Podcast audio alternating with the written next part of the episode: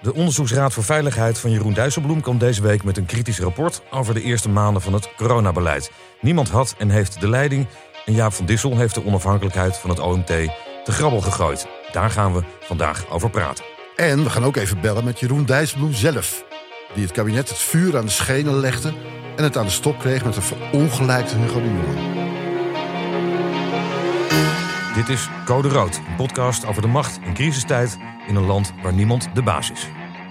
Mijn naam is Thijs Broer, politiek redacteur van de talkshow Op 1 en politiek columnist voor Vrij Nederland. En mijn naam is Peter K., ook politiek redacteur van Op 1 en politiek commentator van de Nieuwsbv op Radio 1. Samen hebben wij het boek Code Rood, het verhaal achter het coronabeleid geschreven, dat nu in de winkels ligt. En deze podcast gaat verder waar het boek eindigt. Hoe komen belangrijke politieke besluiten tot stand in de achterkamers van de macht? En welke patronen zijn daarin te ontwaren? Kortom, hoe werkt de macht in crisistijd?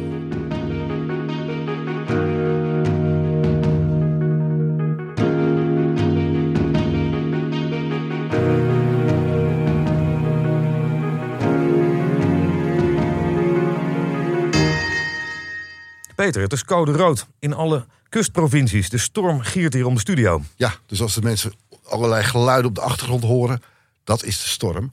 Uh, het aardige is dat code rood, dat allerlei mensen die uh, ons boek hebben gevolgd of ons een beetje in de gaten houden, vandaag begonnen te appen. hey, wat hebben jullie nu weer georganiseerd? Is dit een marketingcampagne? Uh, de mooiste vond ik eigenlijk wel bij Thijs van der Brink. was een fijne conversatie. Thijs van der Brink noem ik altijd graag even in de podcast. Vooral uit, uit onze app-conversatie. Die appte, hey Kay, lekker voor de verkoop van je boek. Ed Code Rood. Ik, heb, ja, ik kon niet anders dan zeggen, God helpt bij de marketing, Thijs. Heeft hij daar nog op gereageerd? Nou, daar heeft hij niet meer op gereageerd. want spotten wordt natuurlijk niet gewaardeerd. Maar zo is het ook niet bedoeld. Uh, het is gewoon mooi dat, dat, dat code rood al aanwezig is. In elk nieuwsjournaal genoemd wordt. En ik hoop dat mensen de link met het boek leggen. Ah, of met de podcast. Je had dat nou gedacht, ja. Ben je veilig hier naartoe? Uh, heb je veilig naartoe kunnen rijden? Ja, ik heb zo'n hele zware SUV, dus ik voelde me niet onveilig. Maar ik zag wel de wegen, de volle wegen. Mensen die ontvluchten allemaal de stad en waren onderweg naar huis. Omdat ja, het zwaartepunt van de storm moet nog komen. Ik, wat ik me wel afvroeg, uh, is hoe jij hier bent gekomen met je cabriootje. Ja, meestal rijd ik ook in de winter met een open dakje. Maar ik heb nu toch maar een andere auto van iemand geleend. Een hele stevige, zware, grote Audi. Je durft het niet aan, zo waar? Om, uh, ja, dan word je totaal door elkaar geschud. Zo'n klein bakje waar je zo van de weg. Als het straks 120 km per uur waait, dan, uh, dan is mijn cabriootje er niet tegen bestand. Ja, bovendien ga je natuurlijk ook nooit de weg op zonder het dakje open te doen. Dus dat, ja, nu zou je haar toch wel door de war geraakt zijn, denk ik. Ja, dat is waar. Ja, dat is waar. Ja. Um, en wat ook nog donkerrood kleurt, is de kaart van Nederland wat betreft het aantal besmettingen. Ja, dat viel me ook op van de week. Ja, maar ja, dat, dat telt niet meer mee. We hebben vandaag de bevrijding al mogen vieren, toch? De mondkapjes hoeven niet eens meer op. Dat is ook zo, ja. En uh, de, de kroegen gaan, zijn open tot één uur. Ja, het is het enige. Alleen werkt het weer niet zo erg mee op het ogenblik. Nee, precies. Voilà. Uh, naar de actualiteit. Meestal is coronaminister Ernst Kuipers de vriendelijkheid zelf. Hè? Maar tijdens een Kamerdebat afgelopen woensdag sprong iets wat uit zijn vel... toen Gideon van Meijeren van Forum van Democratie... Jaap van Dissel een leugenaar noemde. Thijs, wat was daar precies aan de hand? Nou, vorige week kwam, kwam Nieuwsuur met de onthulling... dat ambtenaren van VWS uh, zich direct bemoeid hebben met de inhoud van OMT-adviezen. Dan een paar zinnetjes veranderd, hè? Ja, onder andere. Wel cruciaal. Precies, cruciale zinnetjes. Onder andere waar een, een passage waarin uh, de, de, verpleeghuizen werd, werden ontmoedigd in de eerste maanden van de crisis om überhaupt mondkapjes te gebruiken. Uh, wat misschien uiteindelijk wel heeft kunnen leiden tot, tot onnodige doden. Dus de Kamer maakte zich daar verschrikkelijk boos over van de week. Ook omdat het kabinet altijd afgelopen jaren stellig uh, uh, gezegd heeft dat het OMT natuurlijk volkomen onafhankelijk was. Ja. Um, zo, is dat, zo is het fragment even luisteren. Ja, dat, ja maar Gideon, Gideon van Meijeren maakte zich daar al helemaal kwaad over in de, in de Kamer. Um, en die haalde aan dat Jaap van Dissel in augustus 2020 al de vraag heeft gekregen... hoe staat het ervoor met politieke bemoeienis vanuit het kabinet? Heeft u daar ooit iets van gemerkt? Uh, en dat door, wat door Jaap van Dissel knalhard werd ontkend. Ja. Daar begon Gideon van Meijeren over. En toen zei hij dit. Maar even om op die lofuitingen aan het adres van de heer Van Dissel te reageren. De heer Van Dissel heeft op 11 augustus 2020 de vraag gekregen bij een technische briefing of er invloed werd uitgeoefend vanuit het ministerie op het RIVM. Hij heeft daar glashard over gelogen. Voorzitter, u hoort mij even stil zijn. Hè? Ik ben echt even stil. Er wordt nog een keer hier naar iemand die zich de afgelopen twee jaar naar eer en geweten ingespannen heeft, gezegd dat hij keihard gelogen heeft. Ik denk dat we ons daarvoor moeten schamen dat we dat hier tegen de heer Van Distel zeggen. Daar moeten we ons echt ontzettend voor schamen. En als u mij daar enige boosheid in mijn stem hoort, dan hoort u dat terecht. U moet zich schamen met dit soort uitspraken. Echt waar. Ja, het, die Gideon van Meijer, als ik het stemmetje hoor, dan, word ik, krijg ik al de koude rillingen over mijn rug. Hij, is, nou hij, die- is de- hij is degene die afgelopen maand ook heeft gepleit voor het instellen van tribunalen om eh, leugenachtige politici en eh, bestuurders ehm, te berechten. Ja, dat was die van Houwelingen. Dat is van Houwelingen. Ja. Maar daar, was hij, daar heeft hij natuurlijk volmondig gesteund. Ja, en hij gaat er altijd met gestrekt benen in. En je hoort hem hier ook een eh, aantal kwalificaties geven voor Van Dissel die heel, heel naar zijn. Maar het punt wat hij, wat hij maakt, namelijk dat het OMT zich wel degelijk eh, ehm, heeft bemoeid, of dat Van Dissel zich heeft bemoeid met politiek bedrijven eigenlijk, en dus zinnen heeft veranderd. Ja, dat is daar juist wel gebleken. Dus, dus het moment dat Kuipers zich zo hard tegen hem afzet, dat is op heel veel andere momenten zou dat een, een betere eh, moment zijn geweest. Ja, Nee, de, de, de aanval die Kuipers nu kiest, die eh, had hij op andere momenten had hij beter begrepen. Maar in dit geval is het een, eigenlijk een hele eh, terechte vraag. En kun je er ook een normaal antwoord op geven. En kun je wel zeggen van nou, ik vind helemaal niet dat Van Dissel zich met politiek bemoeid heeft. Zo sterk als u, het- uitdrukt, vind ik niet. Maar die woede die er nu komt, terwijl Kuipers zich tot nu toe echt uitermate beschaafd heeft gedragen in de Kamer, vind ik deze woede eigenlijk wat misplaatst. ja, dat gevoelde ik ook. En ehm, de frustratie van de Kamer was ook wel te, eh, te verklaren. Ik vond het ook nogal een onthulling dat, het, eh, dat eh, de ambtenaren zo direct invloed hebben gehad op het OMT-advies. Ehm, maar, en tijdens de technische briefing van de week voorafgaand aan dit Kamerdebat, waar dit gebeurde, kreeg Jaap van Dissel zelf daar ook een kritische vraag over. Ehm, maar toen verschanste hij zich ook. Toen weigerde hij eigenlijk, helemaal, eigenlijk antwoord op te geven. En zei eh, het is hier geen rechtbank. Ja, en terwijl het ook juist een punt is waar we, wij ons bij, ons bij het onderzoek voor ons boek over hebben verbaasd. En ook anderen die het hebben onderzocht. Dat eh, de verpleeghuizen die mondkapjes niet kregen, weet je nog? Dat ze daar niet beschikbaar waren. En dat was niet nodig, werd steeds gezegd. En Van Dissel heeft zichzelf nog eens laten ontvallen. Dat het personeel van die verpleeghuizen er toch niet goed mee zou kunnen omgaan. Precies, dat aan het op- opleidingsniveau van die, van die verzorgenden zou liggen. Ja. Ja, terwijl ja, steeds, uit steeds meer kun je aflezen dat wat we steeds gedacht hebben ook, die mondkapjes waren schaars. En ja, nee, die moesten eerst naar de ziekenhuizen. En de verpleeghuizen stonden het laatst in de rij om die mondkapjes te mogen gebruiken. En je zag ook eh, dat, dat onderzoeker eh, Jeroen Dijsselbloem er bijna emotioneel door geraakt was.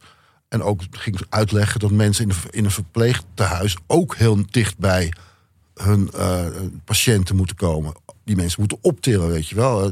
Dichterbij kan bijna niet. Ja, En nee, die hadden de mondkapjes niet nodig. Het blijft een raar verhaal. ja, dat blijft een raar verhaal. Ja, Van Dissel heeft dat, buiten, heeft dat heel lang nog heel koppig volgehouden. Uiteindelijk is de RIVM-richtlijn voor het gebruik van beschermingsmiddelen pas in augustus, als ik me goed herinner, aangepast. Terwijl die ellende in die verpleeghuizen al maanden aan de gang was. Het is geen wonder dat die mensen zich totaal in de steek gelaten voelden door het kabinet.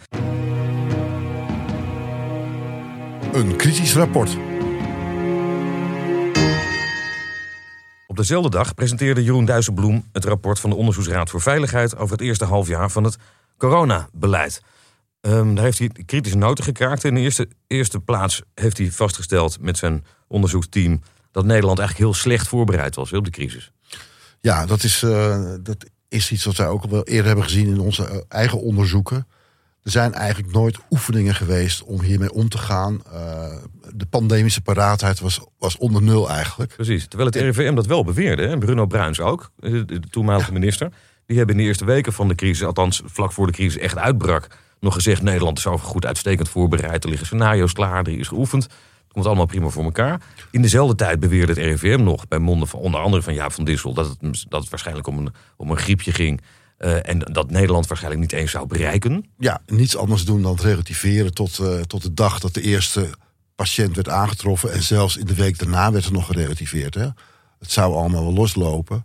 En opeens op 10 maart, ongeveer rond 10 maart, ging het roer helemaal om.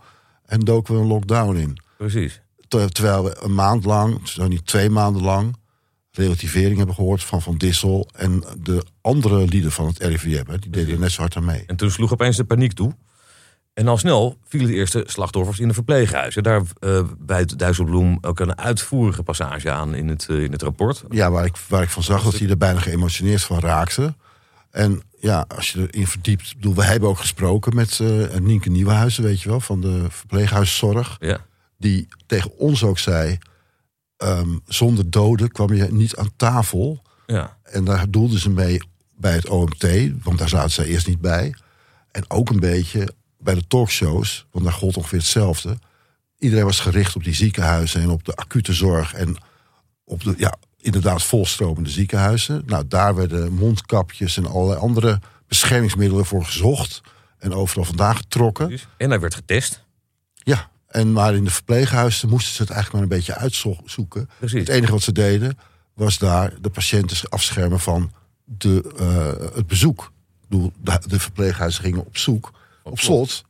Wat het nog, nog dubbel triest maakt voor die mensen. Omdat ze gewoon niemand meer, geen enkel contact met de buitenwereld. Ja, dat heeft hele pijnlijke gevolgen gehad. We doen Mark Rutte, die, die dus opeens van, van Hugo de Jonge te horen kreeg... Dat, dat er geen bezoek meer mogelijk was in verpleeghuizen. Per direct. Dat is, de, de dag zelf ging dat in. Uh, realiseerde, realiseerde Mark Rutte zich, wat hij ons toen ook heeft verteld... Uh, dat hij zijn eigen moeder, die heel kwetsbaar is en oud... en in een verpleeghuis uh, zat, misschien niet meer zou zien. Wat, wat uiteindelijk ook zo bleek te, te zijn. Want zijn moeder overleed die periode dat de verpleeghuizen nog uh, op slot waren. Precies, en hij heeft dat toen alleen nog maar heel even kunnen zien... toen ze eigenlijk al nauwelijks meer aanspreekbaar was. Dat persoonlijk ook hele trieste gevolgen voor Rutte zelf. Maar voor nog veel meer mensen in Nederland. Uh, en dat lot heeft Jeroen Dijsselbloem zich uh, aangetrokken. En vastgesteld dat het kabinet daar veel te weinig over heeft gehad. Ja, met ook rare ideeën over verpleeghuisverzorgenden hoeven niet zo dicht op hun patiënten te komen. Dat soort malligheid. Die mensen worden uit, die tillen de mensen uit bed, weet je wel. Ja, pijnlijk, pijnlijk. Ik heb daar van de week nog even over gepraat met Marita de Kleine. Die is uh, uh, voorzitter, soort spreekbuis van, van een club van verzorgenden in de verpleeghuizen. Is dat die, niet die vrouw die bij op één zat afgelopen Precies, woensdag? Die, exact. die best wel verontwaardigd was, toch? Ja, die was best wel verontwaardigd. Die is niet stil te krijgen werkelijk. Die voelde zich totaal miskend door de politiek en ook door de rest van de samenleving. Die mensen hebben het gevoel dat ze helemaal aan de onderkant van de zorg het werk doen en dat iedereen over ze heen kijkt. En dat is eigenlijk ook zo. In de, in, dat hebben wij bij ons boek, in ons boek ook kunnen vaststellen dat er eigenlijk weinig beleidsterreinen zijn in Nederland die zo hiërarchisch zijn georganiseerd als de zorg. Helemaal bovenaan staan de specialisten in de academische ziekenhuizen. En helemaal onderaan, met de schoonmakers, de verzorgenden in de verpleeghuizen. Ja, denk je niet dat uiteindelijk de conclusie wordt dat toch heel bewust die mondkapjes zijn weggehouden bij de verpleeghuismensen, omdat er gewoon schaarste aan mondkapjes was? Nou, dat is... Zo hard is het nog niet gezegd, toch? Nee, maar die, die, suggestie staat, die kan je wel terugvinden in het rapport. Ja, en we zijn er wel bijna nu bij deze conclusie, toch? Ja, en zeker in combinatie met dat. Met dat en dat is, dat is een ander belangrijk ding dat, uh, dat uh, Dijsselbloem aanstipt.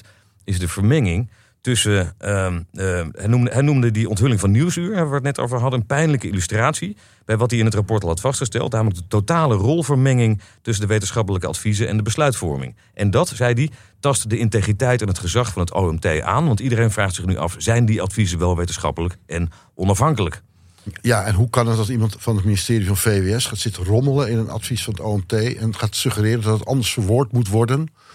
Wat uh, nog gebeurt ook. Ja, en wat dan nog gebeurt ook. Nota bene over die mondkapjes. Dat ze echt niet nodig zouden zijn in de, in de verpleeghuizen. Ja, zegt dat nou ook iets over de rol van die Van Dissel heeft gespeeld? Ik bedoel, gaat het ook, voert het ook direct terug naar Jaap van Dissel? Ja, Jaap van Dissel zijn naam wordt in het rapport op niet zo heel veel, zo heel veel plekken genoemd. Behalve dan op een paar onhandige momenten. Uh, dat hij bijvoorbeeld handen ging schudden met Rutte. Terwijl dat eigenlijk niet meer mocht. En ze doen het onhandig toch maar een elleboogje gingen doen. Um, maar als voorzitter van het OMT wordt hij wel genoemd. Dus niet met zijn naam, maar met zijn functie. Hm. Uh, en wordt vastgesteld door Dijsselbloem en consorten dat Van Dissel bij talloze overleggen heeft gezeten als, als adviseur. Niet alleen uh, overleggen met het, met het OMT, maar ook in alle verschillende beraden. De MCCB, hoe heten ze allemaal? Het ministeriële crisisberaad, uh, torentjes overleg. Ja, was eigenlijk overal bij. Ja, het was overal bij. En de conclusie van, um, van Dijsselbloem is dat dat heeft geleid tot de oneigenlijke situatie Um, dat de tamelijk eenzijdige blik van het RIVM, van het OMT, op de crisis, namelijk dat het in de eerste plaats zou moeten gaan om het bestrijding van het virus, um, uh, veel te veel aandacht heeft gekregen bij het kabinet. En ze daardoor vanaf het begin en nog heel lang veel te weinig oog hebben gehad voor de grotere medische en maatschappelijke gevolgen. Ja, want het is wel interessant. Weet je nog dat we spraken met de mensen uit de cockpit, zeg maar, de politiek verantwoordelijken. ehm, waarvan velen toch enorme bewondering voor Jaap van Dissel hadden. Weet je nog? Iemand had het over Jaap brengt rust, reinheid en regelmaat. Ja. Enorm vertrouwen in Van Dissel. En dat is misschien wel eens toch iets te groot geweest. Is iemand niet iets te veel op het voetstuk gezet? Door jou toch niet helemaal geloof Nou, ik. door mij niet echt, nee. nee. Ik heb eh, volgens mij wel vier keer een column afgeschreven onder, onder, de, eh, onder de titel Wissel van Dissel. Ehm, de Speld eh, stelde van de week nog voor in een, in een komische, komische bijdrage om Jaap van Dissel in te vriezen voor de volgende crisis. En mijn voorstel zou zijn, warm hem dan niet meer op. Thijs, die persoonlijke afrekening. Je moet er nu echt een keer mee ophouden, jongen. Ja, maar je krijgt de steun van Jeroen Dijsselbloem. Goed, een, een, een groter thema nog dat ehm, ehm, benoemd wordt in het rapport van, eh, van de Onderzoeksraad voor Veiligheid... is dat eigenlijk niemand de leiding heeft in de zorg in Nederland. En dat het uit de crisis ook pijnlijk duidelijk is Nee, dat geworden. is een eh, bekende, bekende... Die zin komt op de een of andere manier bekend voor. Ja, je zou bijna Heb ik al eens eerder gehoord. Je zou bijna denken dat eh, Jeroen Dijsselbloem ons boek heeft gelezen. Dat gaan we straks vragen. Goed, dit zei hij daarover in de persco. In de praktijk bleek dat de minister niet de bevoegdheden had, heeft, om zorginstellingen en organisaties zoals de GGD rechtstreeks aan te sturen. Voilà. Nou, dat is dus wat er gebeurt in Nederland. De, de Hugo de Jonge, vooral Hugo de Jonge heeft er last van gehad. Die werd continu aangesproken op alles wat er misging. Maar had eigenlijk niet de doorzettingsmacht om, eh, om eh, andere zorg, zorgclubs eh, in beweging te krijgen. En zelfs zijn eigen ambtenarenapparaat niet. Pijnlijk, pijnlijk. Ehm, en dat raakt dus aan het thema dat wij ook in ons boek eh, hebben benoemd. Het is reeds op de, als je de achterflap alleen al leest, dan weet je hoe laat het is. Een land waar niemand de baas We is. hebben het talloze malen gezegd. en Zo. En dat geldt trouwens ook niet eens alleen voor de zorg. Hebben we, al, hebben we al kunnen vaststellen. Maar in de zorg geldt het wel volop. Met al die regionale organisaties die hun eigen broek moeten ophouden. Ik hoorde Dijsselbloem trouwens ook wel over zeggen. Dat ehm, als je het dan zo verdeelt. Als mensen dan regionaal verantwoordelijkheid willen hebben. Dan moeten ze die ook wel nemen. En ook dat gebeurde heel, veel, heel vaak te weinig. Er werd er bij allerlei eh, plannen en maatregelen werd er gewezen naar, ja, eh, wat doet het kabinet? Wat doet de minister dan? Weet je wel, ja, wat, wat is het nou? Wat wil je nu? Regionale verantwoordelijkheid of landelijke verantwoordelijkheid? Ja, dat is waar, daar klagen ze ook over eh, voor en achter de schermen op het ministerie. Dat ze daar opeens de verantwoordelijkheid kregen om mondkapjes te gaan verdelen. Wat ze nog nooit hadden gedaan. Tot dan toe regelden al die zorginstellingen hun eigen beschermingsmiddelen. En nu moesten opeens allerlei beleidsambtenaren op het ministerie... die er nog nooit mee bezig waren geweest... op grote schaal mondkapjes gaan bestellen. Dus het was ook eh, aan beide kanten een totale chaos. Zoals Ja, daar lag een gat in de markt voor een Sievert van Liende. Wie kent hem niet? Hmm. Even bellen met Jeroen Dijsselbloem. Hij was jarenlang Kamerlid voor de Partij van de Arbeid... vervolgens minister van Financiën en voorzitter van de Eurogroep... waarbij hij de zuidelijke landen stevig de les las. Wat zei hij ook weer? Volgens mij had hij iets, iets over drank en vrouwen. Duidend op eh, de mentaliteit, de, de wat ruime eh, normen die ze daar hanteren in het zuiden van Europa. En dat viel daar echt ontzettend slecht. Terwijl die, ja, als we eerlijk zijn, natuurlijk wel een punt had. Maar ja, dat mag je niet hardop zeggen. hè? Zeggen, Zeker niet als je voorzitter bent van de Eurogroep. Nee, precies. En daar heeft hij nog maanden last van gehad. Maar wij vonden het ook wel weer grappig dat onze Jeroen Dijsselbloem ehm, zo eh, direct uit de hoek durft te komen. Zo hadden we hem ook al leren kennen in de Tweede Kamer. Dat kunnen wij eraf afgaan. bijzonder waarderen altijd als Jeroen Dijsselbloem rechtstreeks uit de hoek komt. Ja. Zo is het. We hopen dat hij dat zo dadelijk ook gaat doen. Ehm, en een paar jaar geleden werd hij voorzitter van de Onderzoeksraad voor de Veiligheid... als verre opvolger van meester Pieter van Vollenhoven. Ah, de gevleugelde vriend. Precies. En in die nieuwe rol kwam hij deze week dus met een spraakmakend kritisch rapport. Hey Thijs. Jeroen, ha, hoe is het? Hoi. Goed.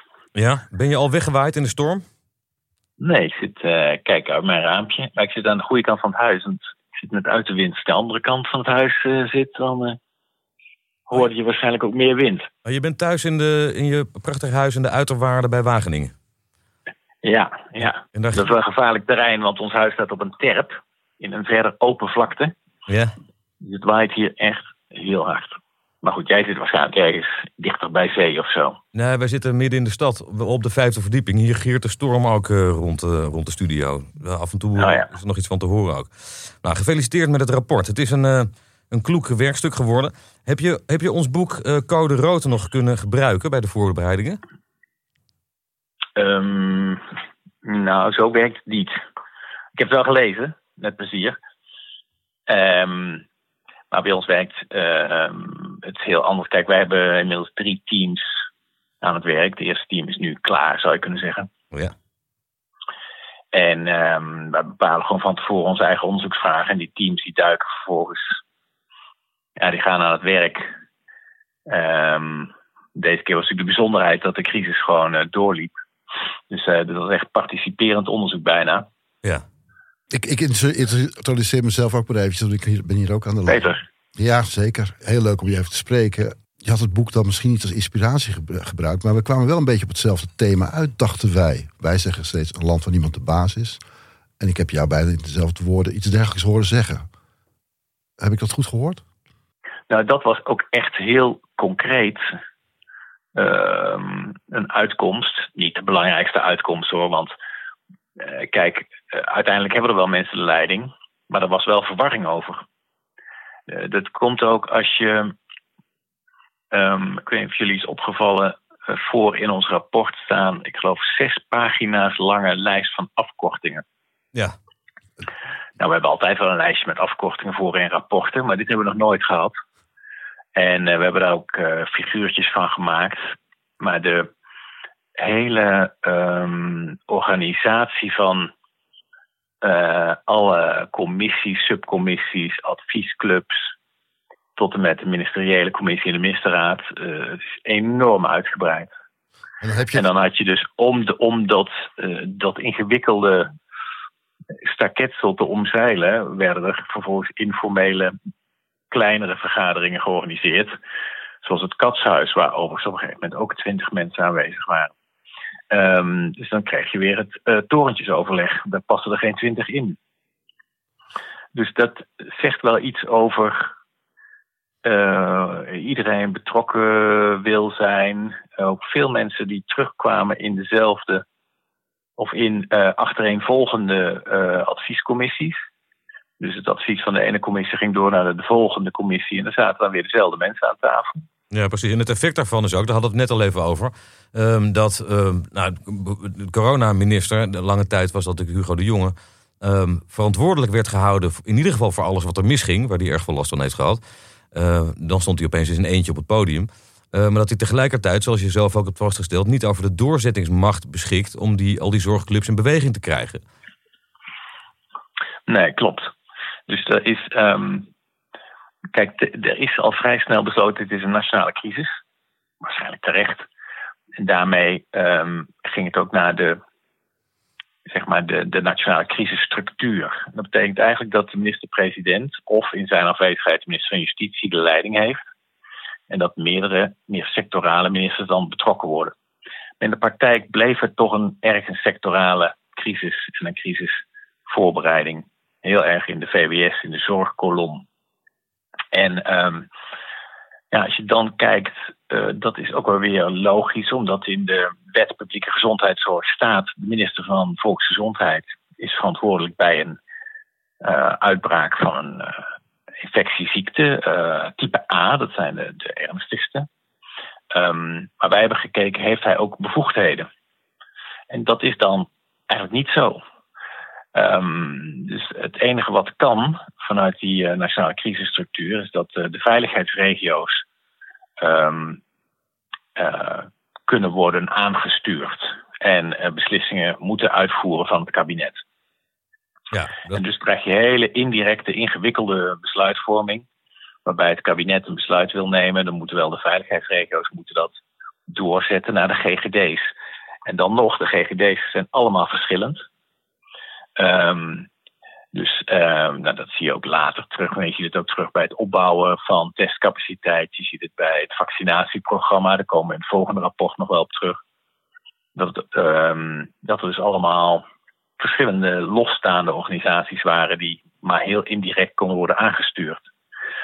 En dat is natuurlijk in een uh, crisis van deze omvang is zo'n poldermodel met zoveel adviescommissies en zoveel indirecte aansturing zoveel onduidelijkheid over waar nou de beslissingen genomen worden, ja, dat is in zo'n grote crisis natuurlijk niet gewenst. Je kreeg het ook van de week aan de stok met Hugo de Jonge, althans indirect. In het, in het rapport is ook zijn reactie op het onderzoek opgenomen in een brief.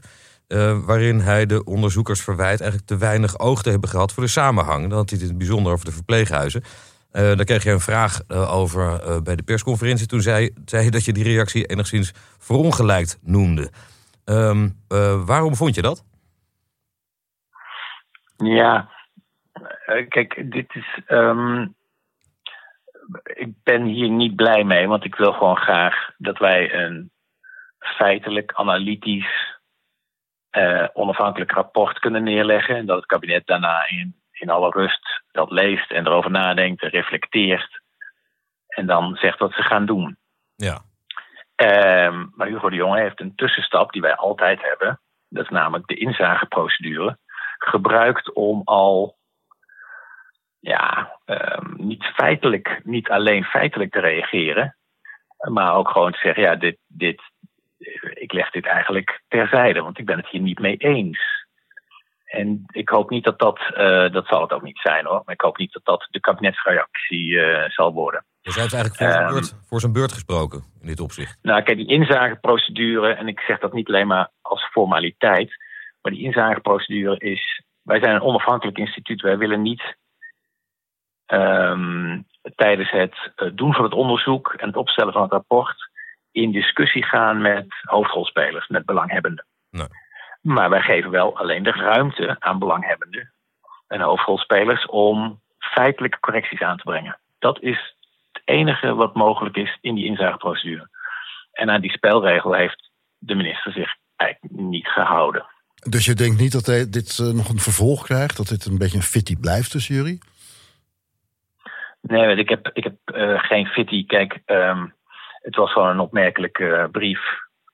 Uh, omdat wij hebben ons concept, ons inzagerapport, zoals het dan heet, aan de minister gestuurd met een briefje. En in dat briefje stond heel precies: dit is een uitnodiging om op feitelijke onjuistheden of relevante aanvullingen te bieden. En we kregen een heel ander type brief terug. Nou ja, goed, ik heb de minister toen al laten weten. De, we zullen de brief ook publiceren.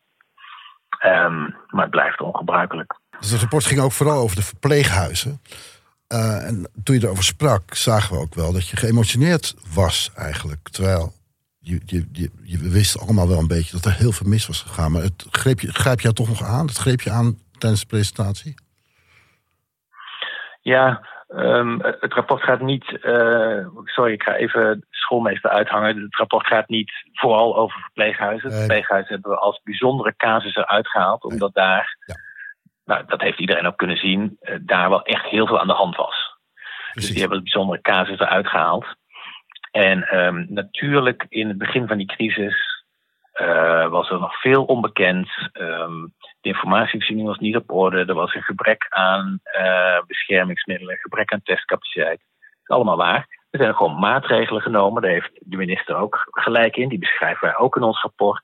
En die waren ook om ouderen en andere kwetsbaren te beschermen. Goed, blijft staan dat in die eerste maanden is beleidsmatig ervoor gekozen om heel weinig te testen. Want testen was alleen zinvol als er een medische noodzaak was. Uh, dus in verpleeghuizen was heel weinig testmateriaal. En dat heeft echt tot, ja, tot hele schrijnende situaties geleid. En er is prioriteit gegeven aan één van de doelstellingen van het kabinet, namelijk het ontlasten van de ziekenhuizen. En minder prioriteit gegeven aan het beschermen van de kwetsbaren. Ja. Um, bij het verdelen van uh, beschermingsmiddelen. Nou, dat, dat bestrijdt ook niemand. Dat de verpleeghuizen in die eerste maand, anderhalve maand, uh, veel minder uh, hulp en materialen hebben gehad dan ziekenhuizen. Dat is een keuze die is gemaakt. En wij hebben natuurlijk, nou, dat heeft echt schrijnende gevolgen gehad. Het voorbeeld wat ik al een paar keer heb gegeven is dat als in een afdeling in een verpleeghuis twee mensen besmet waren, dan mochten er twee mensen worden getest. Meer testen mochten niet worden gebruikt. En dan ging daarna, als ze positief waren, ging de hele afdeling, dus de hele groep bewoners, moest in quarantaine met elkaar zonder beschermingsmiddelen. Inclusief de verzorgenden die daar natuurlijk wel bij moesten zijn om de mensen te helpen. Ja, dat, dat zijn hele pijnlijke keuzes. En als die expliciet door de politiek zijn gemaakt, nou we hebben het afgewogen en dit is toch de keuze die we maken om de volgende reden, dan was dat transparant geweest, had er een debat over kunnen plaatsvinden, dat de politiek zich erover kunnen uitspreken. Maar dat is, zo is het niet gegaan. De politiek heeft altijd ontkend dat de schaarste daarin een rol zou hebben gespeeld. Hè? Dat het op puur op basis van een medische afweging was, namelijk het advies van Jaap van Dissel, die zich in die tijd nog uh, krachtig verzet tegen het idee dat mondkapjes überhaupt uh, zinvol zouden zijn. Uh, en die heeft toen ook in zo'n RIVM-richtlijn laten zetten dat bij vluchtig contact het helemaal niet nodig was. Alsof het überhaupt mogelijk is om vluchtig contact te hebben met mensen die je uit bed moet tillen in een afdeling voor dementerenden. Ja, maar goed, daarom, kijk, dit is een vrij fundamenteel punt van kritiek. Um, ik, wij, wij laten zien in het rapport dat de OMT-adviezen, dat die ook vaak verder gingen dan het medisch advies. Um, dus er zat ook echt al de bestaande schaarste aan test- en beschermingsmiddelen, um, was al vaak gedisconteerd. Dus daar was al rekening mee gehouden in het advies. Maar dit is wel, dit is wel, dit, dit is wel een hele harde en schokkende uh, vaststelling. Kun je, je kunt niet anders zeggen dan dat. Want inderdaad, er wordt geen eerlijk advies gegeven omdat uh, er schaarste is. Voorkomen verkeerde beweegreden natuurlijk. Ja, nou ja, je kunt nog zeggen dat de vaststelling over de wetenschappelijke onderbouwing, dat dat, ik weet dat niet met zekerheid, daarvan zou je nog kunnen zeggen dat is wijsheid achteraf. Maar dat um, de verdeling van schaarste is natuurlijk, um, zeker als het zulke gevolgen potentieel heeft, echt een politieke vraag. Ja. Verdelingsvraagstukken zijn altijd politiek.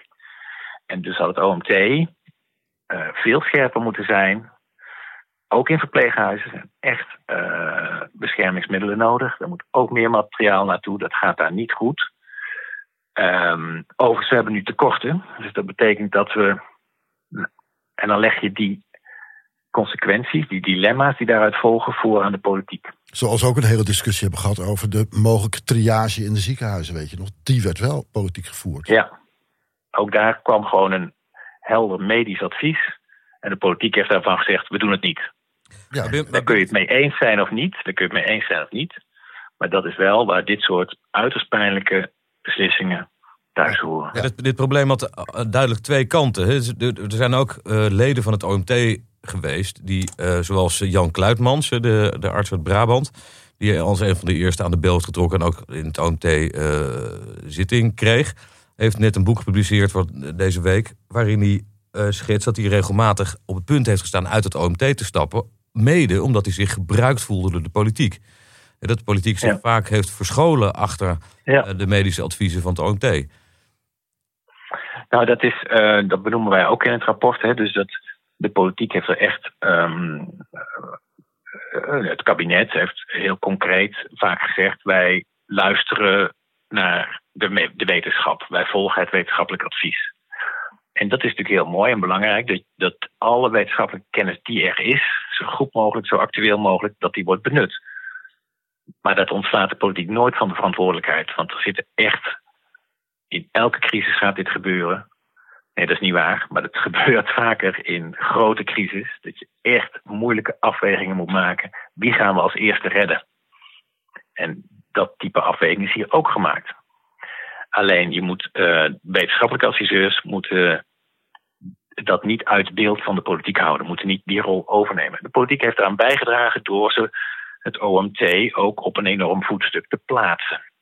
Ja, ja. En het OMT, OMT en de voorzitter van het OMT hadden zichzelf ook um, daartegen kunnen beschermen. Of hadden ook hun strepen moeten trekken en moeten zeggen: nee, sorry. Van ons krijgt u dit advies op basis van onze expertise, uh, zo wetenschappelijk mogelijk. En als er lastige keuzes te maken zijn, uh, of zaken nog gewoon niet helder en onbekend zijn, dan zullen we u dat melden en dan moet u daar de knopen doorhakken. Kun je nou en die rol, wij noemen dat rolvermenging. Um, dat betekent ook dat het OMT in de wind komt te staan. Dat is vandaag met de storm uh, wel heel plastisch. Um, maar het OMT uh, en zijn voorzitter zijn mede daardoor zo vol in de wind komen te staan. Zij werden ook verantwoordelijk gezien. En dat is natuurlijk niet goed. Wat heeft, jou, wat heeft jou het meest verbaasd eigenlijk, bij wat je bent tegengekomen? Ehm, op basis van dit eerste, e- hele eerste deel bedoel je? Ja. Nou, wat me eigenlijk het meest verbaasd heeft, is toch de stelligheid waarmee zowel eh, de betrokken wetenschappelijke adviseurs als het kabinet eh, in die eerste maanden heeft geopereerd. Dus men zei wel, ja, we rijden in de mist of we moeten sturen in onze achteruitkijkspiegel. Maar tegelijkertijd waren in de adviezen van het OMT eh, zag je de verschillende scenario's die, die de onzekerheid zouden weerspiegelen, ehm, speelde eigenlijk weinig rol. Dus er werd, ehm, ik, ik noemde het al eerder, er werden scenario's gekozen. We kiezen dit scenario. Eh, terwijl als je ziet hoeveel onzekerheid er inderdaad was, en dat begint al met wat is dit eigenlijk voor virus? Hoe werkt dit? Wat zijn de verschijnselen? Wanneer ben je besmettelijk? Hoe vindt besmetting plaats? Allemaal onbekend. Ehm, en ja, als zolang dat zo is, ehm, moet je eigenlijk dus rekening houden met verschillende scenario's en je daarop voorbereiden. En dat ook meenemen in je communicatie. En dat leidt eerder tot ehm, meer urgentie. En dat je uit voorzorg al sneller mogelijk extra stappen zet. Dan dat je zegt, nou ik ga wachten tot ik meer weet. Precies, want, Eh, het maar gevolg, gevolg daarvan is dat het keer op keer op keer het kabinet eigenlijk te laat was met ingrijpen. Ja, ook dat, dat is een ander thema wat we in het, eh, waarschijnlijk in het derde onderzoek gaan eh, meenemen, is de momenten van ehm, aan- en uitzetten van de maatregelen.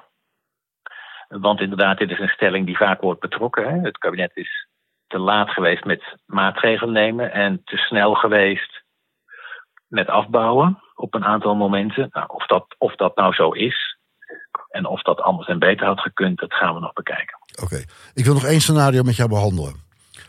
Ehm, we hebben een Partij van de Arbeid, daar gaat het niet zo heel erg goed mee. Is er een scenario denkbaar dat je terugkeert in de politiek? Om je partij te redden van de ondergang. Ja, jongens, ik praat met jullie als voorzitter van de OVV, dus daar ga ik niet eens op antwoorden. Scenario's, Nee, we want, eh, scenario's doornemen, toch? Nee, nee, nee. Dit scenario is niet aan de orde. Ehm, dit is ook wel een belangrijk punt. Kijk, de OVV moet echt onafhankelijk werken. Dus eh, wie ook aan het stuur zit, welke politieke kleur eh, ook, is, is helemaal niet relevant. En, en dat is het enige wat wij eh, kunnen doen. Zo feitelijk mogelijk, zo droog mogelijk kijken. Hoe is het gegaan? En kunnen we daar nou les uit trekken? En ehm, dat gaan we ook in deel 2 en deel 3 doen. Wij verheugen ons erop. Ik kan niet anders zeggen. Ja, Ehm, heel veel dank. En we hopen dat, eh, dat je huis daar de storm eh, overleeft, daar in, dat, in die uiterwaarden bij Wageningen. Ja, ja, ik ben licht bezorgd over. Maar goed, dan hebben we altijd nog de onderzoeksraad voor veiligheid om deze ramp te onderzoeken. Heel veel dank Jeroen, al het goed. En sterkte Oké, daar. succes. Jo, Ja. succes met de podcast. Hoi. Ja. Zo Thijs, dat was best een stevig verhaal van eh, Jeroen Dijsselbloem. Vooral over, als het gaat over de beïnvloeding uit het OMT van beoordeling over bijvoorbeeld eh, de, mondkapjes of beschermingsmiddelen. Eh, schaarste, niet eerlijk zijn over schaarste. Ja, precies. Hij zegt eigenlijk dat het, eh, dat het OMT een te grote broek heeft aangetrokken. Zich niet alleen heeft laten gebruiken door de politiek als een soort schaamlap. Dat woord noemt hij niet, maar daar komt het wel op neer. Maar, zich, maar dus zijn eigen rol ook te groot heeft gemaakt. Ja, en eigenlijk politieke beslissingen ging nemen die puur aan de politiek hadden eh, overgelaten moeten worden. Ja, precies. Pijnlijk. Pijnlijke vaststelling. Ja, en zijn betrokkenheid bij de, de probleem, problematiek van de verpleeghuis, ja, die kwam er toch ook weer heel nadrukkelijk uit. Je, je voelt de pijn bijna Ja, bij hem zitten. ja. Ja, en wat hem geweldig dwars zit, en wat, wat al veel eerder ook is vastgesteld, is dat er heel bewuste keuze is gemaakt om die schaarse middelen niet in te zetten in de, in de verpleeghuizen. Met mogelijk hele en nare gevolgen. Ja. Nou, verder viel me ook wel op dat, die fitty met eh, Hugo de Jonge, ik noem het wel zo namelijk, fitty. Ja, er zit toch wel, dat wringt duidelijk tussen die twee mannen. En wij kennen Hugo de Jonge wat beter dan de meeste mensen van iets dichterbij. Eh, maar wat je ziet is wat you get. Ik bedoel, dat is een man die snel op zijn bloemschoentjes getrapt is. En in dit geval vond hij het niet leuk om slecht beoordeeld te worden door eh, de commissie van eh Dijsselbloem. Nee, dat is waar. En, ja, en hij heeft, eh, wat, wat Dijsselbloem zei, was hij heeft inzage gebruikt in het rapport om het rapport naast zich neer te leggen. Dat is nogal een krasse uitspraak, toch? Eh, Ja, terwijl, hij, terwijl alle ministeries, alle betrokken ministeries en ministers gevraagd werden om input te geven. En correcties zijn wel degelijk doorgevoerd ook in het rapport. Maar dat zou alleen maar om feitelijkheden moeten gaan. En niet uh, om een verdediging van het beleid. Ja, want je hoort het Jeroen zeggen. Hè? We weer moeten verder komen. De volgende crisis moeten we beter uh, doen. We moeten leren uit deze crisis. En dan heb je niet zoveel aan beledigde ministers. Dat begrijp ik ook weer uit zijn perspectief. Ja, ben benieuwd hoe dit verder gaat. En hoe uh, Hugo de Jonge zich straks gaat gedragen tijdens de parlementaire enquête. Die er ook nog achteraan gaat komen. Ja, maar Thijs, voordat we aan die parlementaire enquête toe zijn... heeft Hugo de Jonge echt wel even een andere klus te klaren. Ja, namelijk een miljoen woningen bouwen. Ja, een crisis bezweren met, waarvan wij al nu al weten, veel te weinig geld. En heel veel stikstofproblematiek om op te lossen. Ja, en ook nog eens op een ministerie waar die weer niet de baas is. Nee, waar, ja, en waar die, waar die ook meestal op de vlucht is. Want ja, ik zie hem alleen maar in het land rondlopen eigenlijk. Ja, op rubberlaarsjes, op allerlei bouwplaatsen. Precies. Zullen we dat eens uh, volgende week gaan uitzoeken? We, gaan, we moeten volgende week eens kijken waar hij allemaal geweest is inmiddels. En wat hij daarvan heeft geleerd. Heb jij vragen die we in die aflevering moeten beantwoorden? Laat het weten op Vriend van de Show. Vriendvandeshow.nl slash code rood. Code Rood is een podcast van Dag en Nacht Media. Het gelijknamige boek ligt nu in de winkels en is uitgegeven door Pluim. Podcastredactie door Esther Krabbedam en Tom Aalmoes. Edit door Tom Aalmoes. Muziek door Lucas de Gier.